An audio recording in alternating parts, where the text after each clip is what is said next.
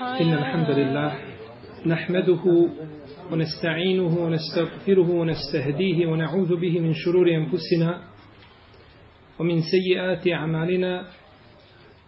من يهده الله تعالى فلا مضل له ومن يضلل فلا هادي له. وأشهد أن لا إله إلا الله وحده لا شريك له وأشهد أن محمدا عبده ونبيه ورسوله وصفيه من خلقه وخليله. أدى الأمانة وبلغ الرسالة ونصح للأمة وكشف الله تعالى به الغمة وجاهد في الله حق جهاده حتى أتاه اليقين. اللهم اجزه عنا خير ما جزيت نبينا أمته ورسولنا دعوته ورسالته. وصل اللهم وزد وبارك عليه وعلى آله وأصحابه وإتباعه وعلى كل من اهتدى بهديه واستنى بسنته واقتفى أثره إلى يوم الدين. ثم أما بعد. Najvrijednija stvar koju čovjek može naslijediti na ovoj zemlji bez razilaženja među razumom obdarenim jeste znanje. Šarijatsko znanje koje čovjeka približava ka njegovom gospodaru Tebara Kevoteala i u tom smislu, u tom kontekstu je poslanik sallallahu alaihi wasallam rekao Talebul ilmi faridatun ala kulli muslim. Sticanje znanja je obaveza svakom muslimanu. I ovaj hadis bilježi imam Ibn Mađe u svome sunenu sa vjerodostojnim lancem prenosilaca, a imam sujuti navodi preko različitih puteva, preko 50 različitih puteva kojim je došao ovaj, ovaj hadis. Iz toga ljudi ulažu i metak da bi stekli znanje. Ulažu i metak da bi stekli znanje, pa ukazuje nam ta činjenica neminovno da je znanje vrijednije, da je znanje vrijednije od, od imetka. I nema puta, i nema načina, i nema mogućnosti čovjeku da dođe do riznica šerijatskog znanja osim učenjem. Čitanjem i izučavanjem. Nema drugog puta i nema, kogod pokuša na drugi način doći do šerijatskog znanja, mimo izučavanja i čitanja, takav je pogriješio i takav nikada neće stići do svoga cilja.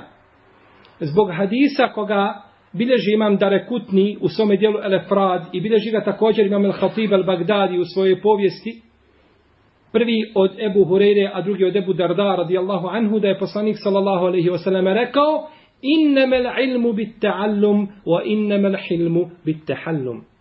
Znanje se stiče učenjem.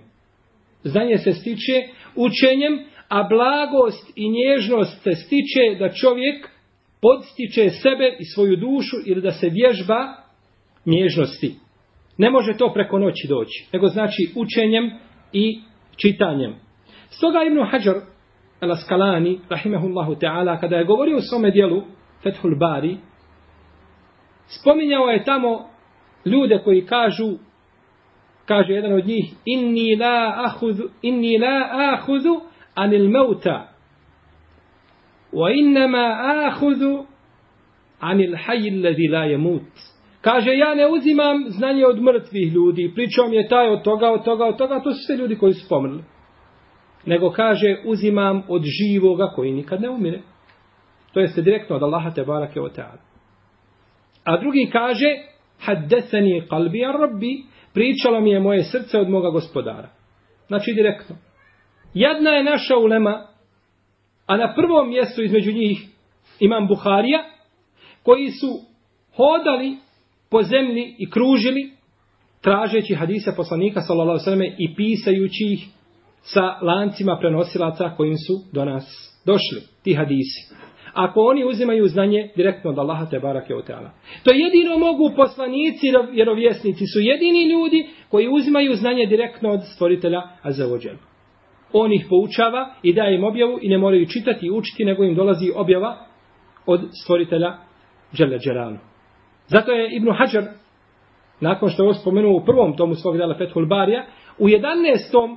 tomu kaže, a otkud zna da mu priča srce, možda mu to priča šeitan možda mu to priča, šeitan, pa misli znači da mu, da mu dolazi, da mu dolazi objava.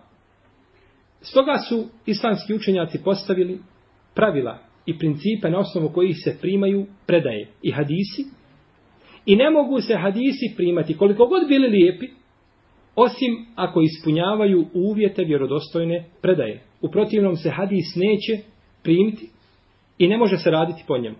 Za razliku recimo od predaja koje se tiču istorije. Istorija je nešto drugo, sira. Ona se razlikuje od sunneta, tu treba napraviti razliku. Jer sira se prenosi i piše se i govori se o događajima šta se dešavalo. No međutim nema posebne provjere lanaca prenoslata i šta se je dešavalo. Jer se iz sire ne uzimaju propisi. Bio je poslanik, sa tu, pa je pokupio svoju vojsku, pa je otišao, pa bilo ih je tri stotine, pa su nakon toga sreli toga, pa su tu zanoćili. Tu nema propisa. I ako imaju propisi, oni su globalni.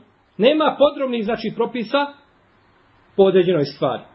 Za razliku od sunneta. Zato imam Ibru Žerira Taberi, koji se smatra prvakom svih istoričara, on je u svojoj istoriji na početku kazao i ja, kaže, nemam nikakve odgovornosti za ovo što prenosim. Ja spominjem ono što se šta navodi. Nemam odgovornosti.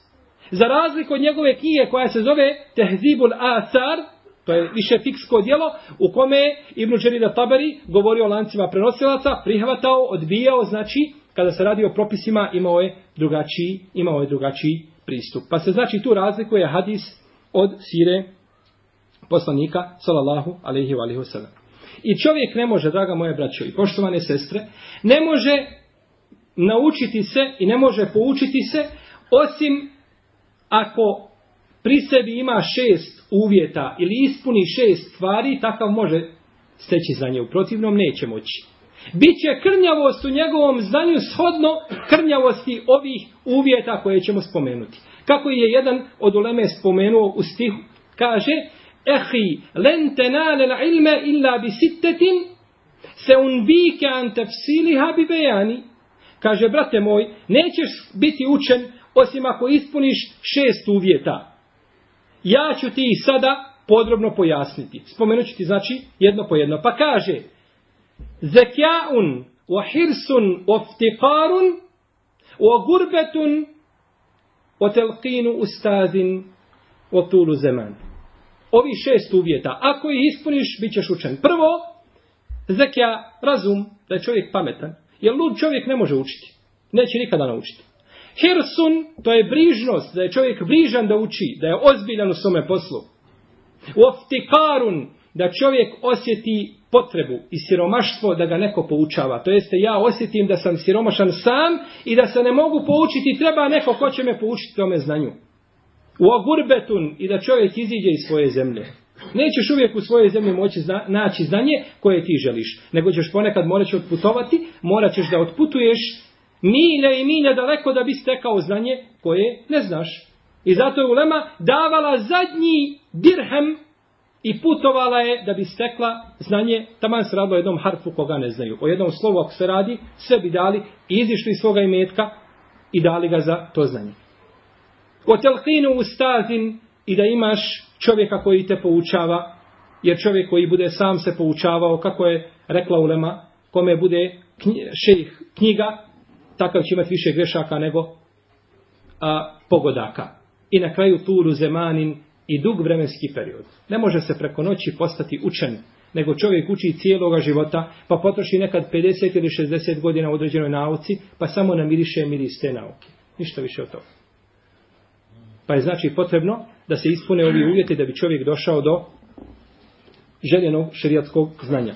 Mi smo u prethodna dva predavanja govorili o velikom imamu ovoga ummeta, Ebu Abdillahu, Muhammedu ibn Ismailu, ibn, ibn, ibn Ibrahimu, ibn Mughire, ibn Berdizbe, el Bukhari, el Džuhti, radijallahu ta'ala anhu, govorili smo o njegovoj siri, njegovoj istoriji, spominjali njegove odlike, pa ćemo inša Allah ta'ala i o ovome našem druženju nastaviti nešto. Ne bili smo završili sa odlikama, a onda, ako nam uzvišeni Allah te barak je o ta'ala nekada kasnije omogući da pričamo o njegovom sahihu, da upotpunimo znači ovaj ciklus predavanja a inša Allah da će u tome biti hajr a, za nas sviju.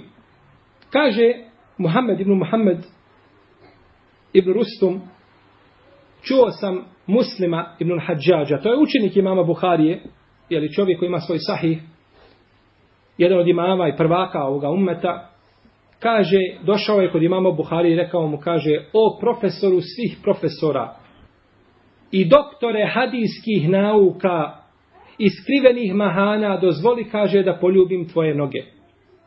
Iz poštovanja prema imamu Buhariji.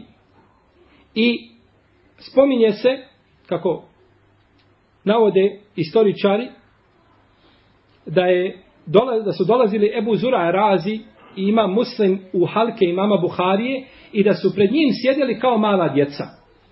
Kao dva dječačića sjede pred imamom Buharijom i slušaju, i slušaju hadise koje govori.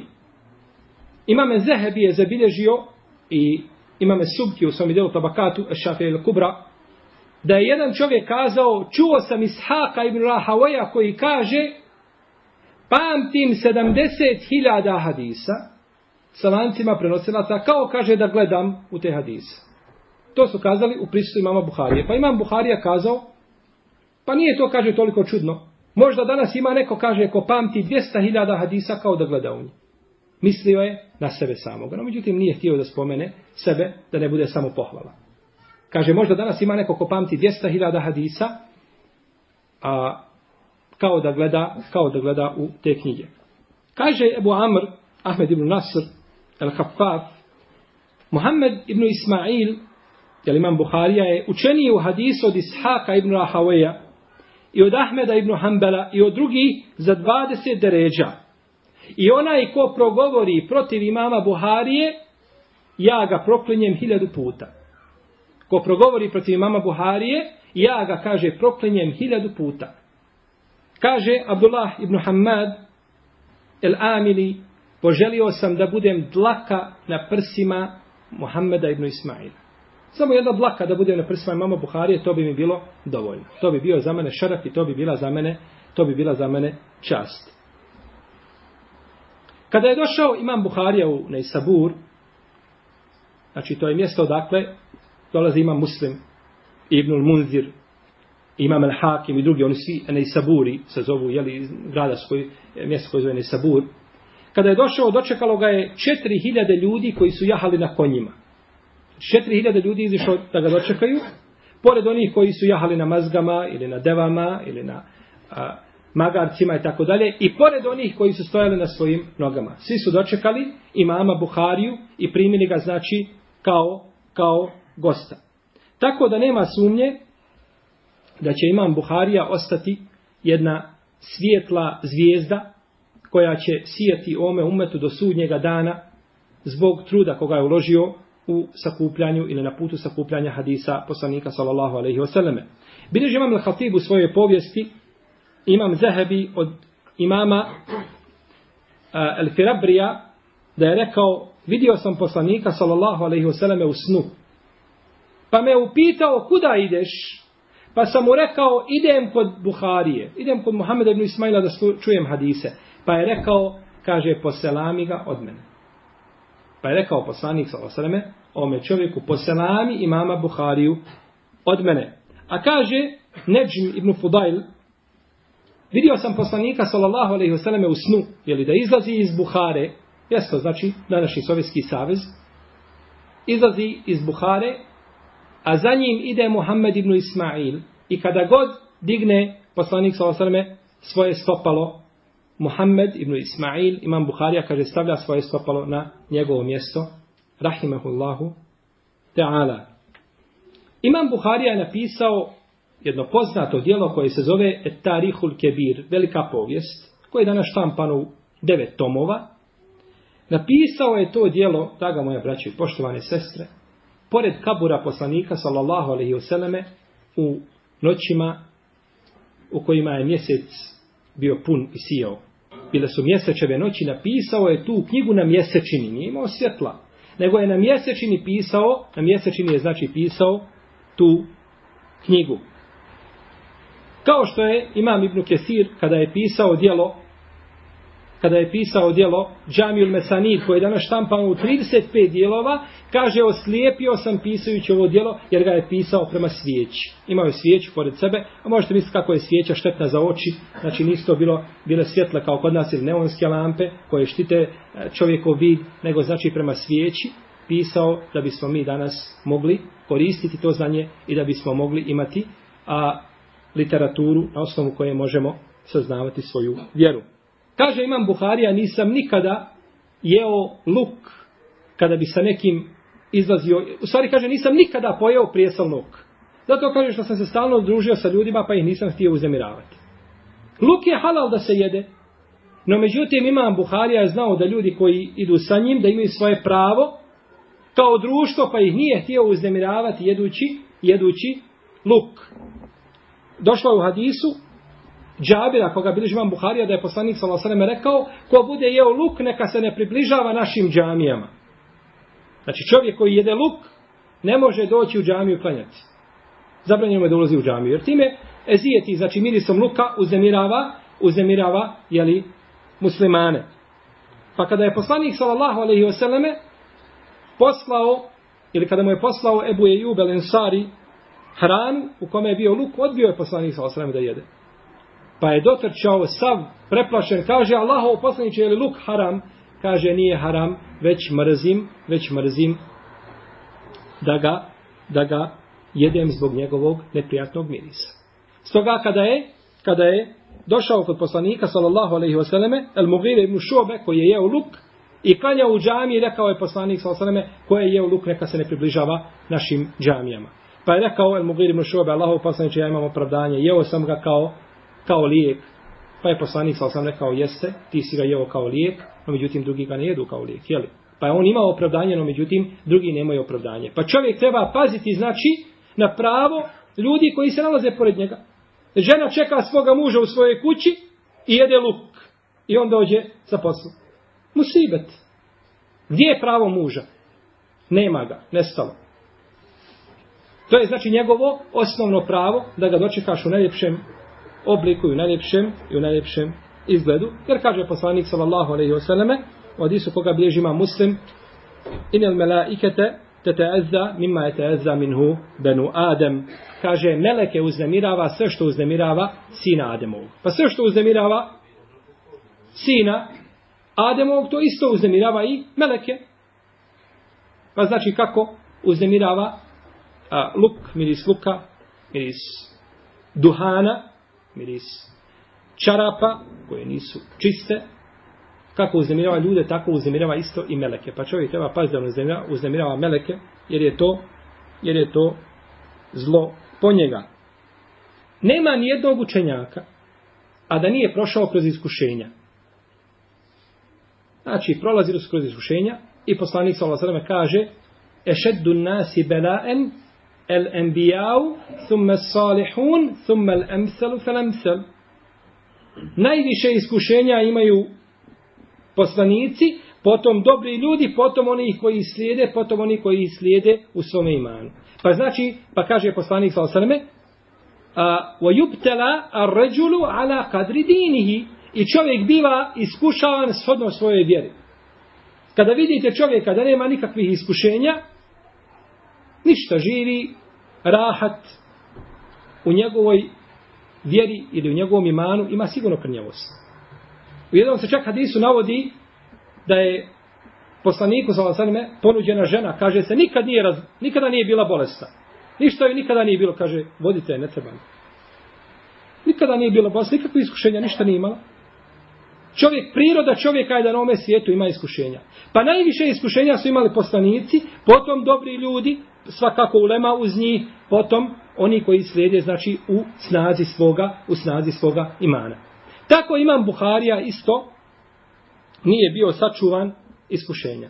I najveće iskušenje koje je doživio imam Buharija u svoje vrijeme jeste pitanje stvaranja Kur'ana. Pitanje stvaranja Kur'ana. O kome se povela velika priča i debata i rasprave koje su se vodile između islamskih učenjaka, ehlu sunneta i oni koji iskrenuli sa pravoga puta.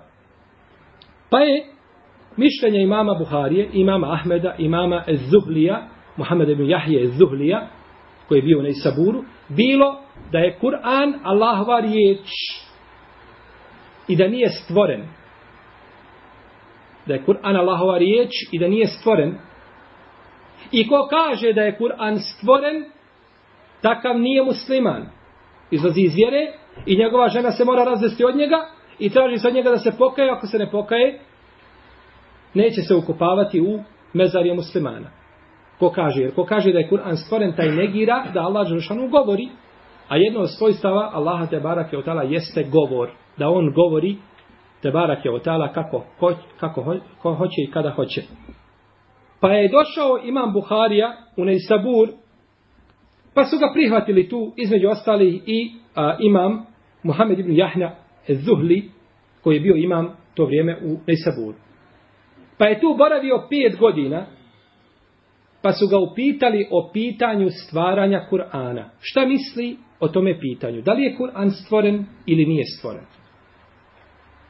Pa je imam Buharija iznio svoje mišljenje, pa je zabranio ovaj islamski učenjak, Allah mu se smilovao, Muhammed ibn Jahja Zuhli, zabranio je ljudima da dolaze u halke imama Buhari. Nakon što je kazao svoje mišljenje po pitanju stvaranja Kur'ana. Ima jedna sekta od džehmija koji kažu oni ne kažu sada Kur'an je stvoren nego kažu lafzi bil Kur'ani mahluk moj izgovor Kur'ana je stvoren ha. moj izgovor Kur'ana je stvoren prvo Kur'an je Allahova azzeođel riječ i on je to kazao znači nije stvoreno oni koji kažu da je stvoreno hoće, kažu, hoće da kažu da uzvišeni Allah ne govori da je nijem pa je stvorio Kur'an i stvorio te riječi. A ehlu sunnet kaže da je Kur'an Allahova riječ i da je on govorio na način kako doliči njemu te barake o teala. Sada, kada kažu Kur'an stvoren, jasna stvar, to je zabluda. I nevjezenstvo koje su osudili islamski učinjaci. No međutim, ovi su sada došli pa kažu, moj izgovor Kur'ana je stvoren. Pa kad kažeš moj izgovor Kur'ana je stvoren, može se shvatiti da je stvoren šta? Kur'an sam, a možeš shvatiti da, je, da su stvoreni moji pokreti, pokreti mojih usana, jezika, bilica pri izgovoru, kao govornog aparata, može se shvatiti da je to, da je to stvoreno. Pa imam Buharija kada je pitan o riječima da su stvoreni, da je stvoren a, a, moj izgovor Kur'ana, kazao je Kur'an i Allahov govor nije stvoren. A dijela ljudi su stvorena. A dijela ljudi, je naša su dijela stvorena. Moj pokret rukom ovaj je stvoren. Moj govor, pomjeranje usana, izgovor je stvoren. Vaš boravak ovdje večeras je stvoren. To je stvoreno. To su djela ljudi. I zato imam Buharija napisao djelo koje se zove Halku efalil ibad. Stvaranje ljudskih dijela. Pa su to stvorena djela. No međutim, kada kažemo moj izgovor Kur'ana je stvoren, ako kažeš, ako odgovoriš ovim džehmijama nije stvoren, onda se može razumjeti da pokret usana jezika nije stvorena, to je stvoreno. A ako kažeš da je stvoren, može se razumjeti da je stvoren šta? Kur'an. Pa kako god odgovoriš, pogriješio si. Kao neko da te upita pitanje pa ti kaže može li Allah stvoriti kamen koga ne može podići? Šta god da odgovoriš, pogriješio si. Ako kažeš može, znači može ga stvoriti, ali ga ne može podići, pa Allah nije samoćan. A ako kažeš ne može, onda Allah ne može sve stvoriti, je tako? Šta god odgovoriš, pogriješio si. A to što je to pitanje koje se radi o nemogućim stvarima. Može li Allah sebi stvoriti dijete? To je nemoguće pitanje. Jer Allah je negirao postojanje djeteta. A kažemo Allah te barak je od tada samoćan i sve može i sve zna i sve čuje i sve vidi i ništa mu nije slično i nema nikakvi krnjavosti u njegovim svojstvima niti u njegovim imenima te barake o teala. Pa je ovdje svakako imam Buharija je koristio riječi Allaha te barake o teala wallahu khalaqakum wa ta'amelun. Allah je vas stvorio i ono što radite. Stvorio je vas i ono što radite pa su ljudska djela stvorena. Pa imam Ahmed, imam Muhammed ibn Jahja al-Zuhli, Imam Muhammed ibn Ismail al-Bukhari se slažu kada je u pitanju prvi dio. Da je Kur'an Allahova riječ i da nije stvoren. I ko kaže da je stvoren da je kafir. No međutim razilaze se po drugom pitanju, a to je pitanje kada se govori da li se može kazati da su pokreti čovjeka pri izgovoru Kur'ana stvoreni. Učimo Kur'an. Kur'an je Allahov govor koji nije stvoren. Ali moj pokret usana i jezika pri izgovoru, je li to stvoreno? Jeste. E, tu se razilazi imam Buharija sa imamom Ahmedom i sa imamom Zuhlijem. Pa oni su kazali, ne, nije ništa, ne možemo govoriti sa svim mogućih aspekata, Kur'an je šta? Allahova riječ i nema o stvaranju riječi, ne možemo o tome pričati. Dok imam Buharija kaže ne, kada je pitanje izgovora, onda kažemo da su naši pokreti stvoreni. Tako da Buharija nikada nije kazao da je izgovor Kur'ana stvoren, nego kaže Kur'an je Allahova riječ koji nije stvoren, Allah je govorio sa njim, a pokreti ljudi su stvoreni. Pa je tu velika razlika. Pa su se razišli znači sa imamom Buharijom, ova dvojica, i kaže šehol Islam ibnul Kajim u svome dijelu, Muhtesaru, Savajkel Mursale, kada je govorio o ome pitanju, kaže, Imam Buharija je, kaže, po ome pitanju učeni i od imama Ahmeda i od sviju koji se razišli i kaže njegovo mišljenje ispravnije. I jeste. Njegovo mišljenje neispravnije. Ovo se radi o finesama, o izražavanju. Oni su složeni, znači da je Kur'an Allahova riječ i da nije stvoren. No međutim, kada se dođe do finesa i do postavljanja stvari na svoje mjesto, onda odgovor imama Buharije je preči i biva odgovor imama Buharije a, podrobniji. Kada je izišao imam Buharija iz Sabura, vidio je da tu više nema šta tražiti, jer mu je zabranjeno da poučava ljude, a čovjek, braćo, koji govori o vjeri i koji poučava o ljude, za njega je najveća kazna da mu kažeš ne možeš pričati ljudima o vjeri. Nema druge, najgora kazna i najgori musibet za njega je da kažeš ne možeš više poučavati ljude u vjeri, sjedi, sjedi u svojoj kući. To je za njega smrt. To je gore od smrti. To je umiranje kroz godine. Pa imamo u Buhari zabranjeno, pa je odmah izišao odatle. Kada se je vratio u svoje rodno mjesto u Buharu, dočekao je tada emir ili vladar Buhare, kome je već Muhammed ibn Jahja Zuhli, rahimehullahu ta'ala, koji nije bio zavidan imamu Buhari, nego jednostavno želeći da brani islam, smatrao da imam Buharija pogriješio, napisao mu je već pismo. I kaže mu, imam Buharija je novotar. Imam Buharija je novotar, on je kazao suprotno ehlu sunnetu i pazite se imama Buharije. Imam Buharija, subhanallah, imam Buharija koji je sav svoj život utrošio u borbi protiv novotarija i za širenje prave vere, od jacije do sabaha postao novotar. I istorija se ponavlja, kao što danas vidimo.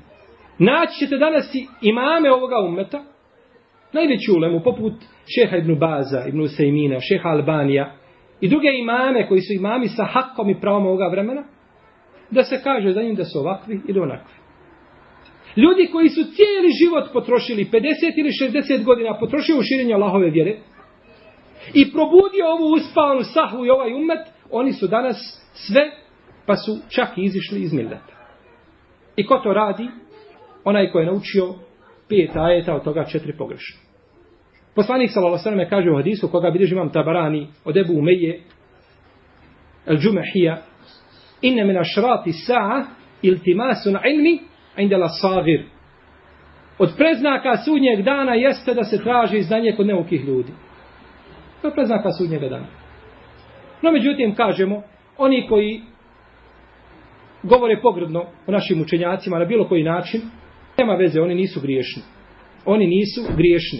Jer je poslanik s.a.v. rekao da se ludom ne pišu djela dok se ne opameti. Imam osjećaj da danas ljudi liče onome čovjeku što je cijelog života bio slijep. I na moment progledao, i u tome momentu kada je progledao, ugledao slona. I opet oslijepio. I kažu mu ljudi, doplovila je lađa u luku. A kaže, kakva je lađa u odnosu na slona? On se mjeri po čemu? Po, po slonu. On zna slona u dunjalu, kad zna slona i se mjeri po slonu. Tako i ljudi nauče nešto, malo iščačka iskopa negdje i po tome mjeri i važe ljude i trpa ih i dijeli karte za džennet ili džehennem kome želi i kako hoće, što je bez sumnje zabluda. Pa je emir ili vladar Buhare u to vrijeme nije primio imama Buhari. Nije primio mama Buhari. Pod izgovorom da je on šta kazao suprotno mišljenje Ahlusunneta. No međutim to nije bio pravi razlog. To nije bio pravi razlog.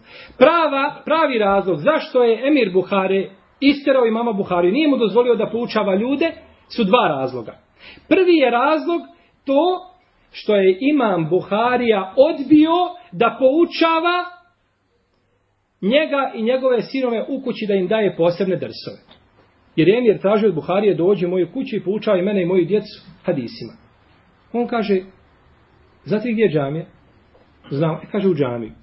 Ti kao vladar u džamiju na prvom mjestu tvoji sinovi pored tebe, sjedite i slušajte. To nema veze što si ti vladar, dođu u džamiju i poučavaj se. Ali da ja tebi dolazim kući, posebna predavanja, nema od toga ništa. Ja, kaže, neću da ponižavam znanje. Neću da ponižavam hadise poslanika sa osreme i da tebi hadisi dolaze na noge, nego ti dođi na noge hadisima. A kaže, ako hoćeš, zabrani mi, pa da imam dokaz protiv tebe na sudnjem danu. Odaberi što ćeš. I drugi razlog je to što je u tadašnje vrijeme u Buhari ljudi koji su držali dinske konce u svojim rukama bili su ljudi koji su se razlikovali svojim fikskim mišljenjima od imama Buharije. A bili su jako dobri sa vladarom. Pa su to iskoristili vješto da imama Buhariju, da imama Buhariju isteraju ponovo iz njegovog mjesta. Opet iz Buhare. Došao si svome narodu, svojim ljudima, dolazi čovjek čije ime kada bi napisali to nama zlata, to bi bilo malo, ništa ne bi vrijedilo. Tjeraju ga znači iz njegovog, iz njegovog rodnog mjesta. Pa je izišao u Meru, no međutim kada je došao u Meru, to je opet jedno mjesto, došla je vijest prije njega. Vijest se širi, jer čovjek kada se etiketira, teško se može te etikete proći ili da se očisti. Dok je došao, vidi da nema dobrodošlice. Pa je otišao u Ferber. Pa kada je došao, ista stvar. Pa je otišao u Bikend. Kada je došao u Bikend, ista stvar. Pa je otišao u jedno malo mjesto blizu Semrakanda. Kada je došao u to mjesto, ista stvar. Pa je vidio da mu je, da će biti iskušan. Pa se je pobojao fitneta za sebe, rahimehullahu ta'ala, pa je dovio Allahu te barake od da ga usmrti kaže Allahume inni kad baqat alayya al-ardu bima rahubet faqbidni ilayk. Ovako je rekao Imam Buharija. Go, kaže gospodar moj, zemlja mi je tjesnom postala koliko god da je široka i uzmi me sebi. Pa su ga poveli da iziđe iz toga mjesta malog, jednog sela koje je bilo blizu Samrakanda. Kada su ga poveli prema Devi, kazao je stanite, ja ne mogu više hodati. Pa je sjeo pa su ga spustili, sjeo je i uputio nekoliko dova Allahu te barake o teala. I nakon toga je preselio rahimahullahu teala rahmeten vasija. Pa je Allah azeođele uslišao dovu imamu Buhari i uzeo ga je sebi prije fitneta kojima bi mogao biti iskušan. Kaže se da je sa kabura imama Buharije dug vremenski period osjećao se miris miska. Zemlja je mirisala mirisom miska. I da su se vidjeli stubovi i snopovi svjetlosti koji su išli od kabura ka nebesima. I da su ljudi dolazili i čudili se tome, nisu mogli to, nisu mogli to vjerovati. Preselio je imam Buharija u oči subote, u oči bajramskog ili oči ramazanskog bajrama i ukopan je na dan Bajrama poslije podne namaza 256. hijđarske godine. Ovo što smo govorili o našem imamu Buhari, ovo je bila samo jedna sitnica iz njegovog života i nastojali smo da izbjegnemo događaje koji bi možda umorili slušatelje a zaista o imamu Buhari se mogu pisati dijela i o njegovoj istoriji nismo govorili o njegovom ibadetu, o njegovom ahlaku, o njegovom moralu. Da smo o tome pisali, to bi nam uzelo još serije i serije predavanja i opet bi ostalo više onoga što je nekazano od onoga što je kazano. No međutim, druženje sa islamskim učenjacima biva opet, kako kaže imame Buhanife, rahimehullahu traže, rahimehullahu ta'ala, draže nam je govoriti o istoriji islamskih učenjaka, nego mnoga fikha kome se poučavamo, jer učeći siru islamskih učenjaka poučavamo se volji i moralu, poučavamo se a, ispravnom vjerovanju, poučavamo se zajedništvu, jedinstvu, poučavamo se kako da širimo i kako da čuvamo našu vjeru, što je svakako primarni cilj šerijata. Ja molim Allaha te barake o teala da nam prije svega olakša još jedno predavanje u kome ćemo se družiti sa sahihom imama Buharije da pojasnimo kakva je to knjiga iz koje mi uzimamo hadise i koje se vraćamo i da vidimo a, razum imama Buharije kada je pisao to svoje dijelo i kakav je emanet ostavio u, u, u svome umetu i molim Allaha te barak ta'ala da nas spoji svi skupa u džennetu kao što nas je spojio ovo veče u jednoj od Allahovih kuća, u društvu sa našim poslanikom, iskrenim dobrim šehidima, a divni su oni društvo. Allahu Teala alem, wa sallallahu ala nebina Muhammed, wa ala alihi, وأصحابه أجمعين. وبارك الله فيكم.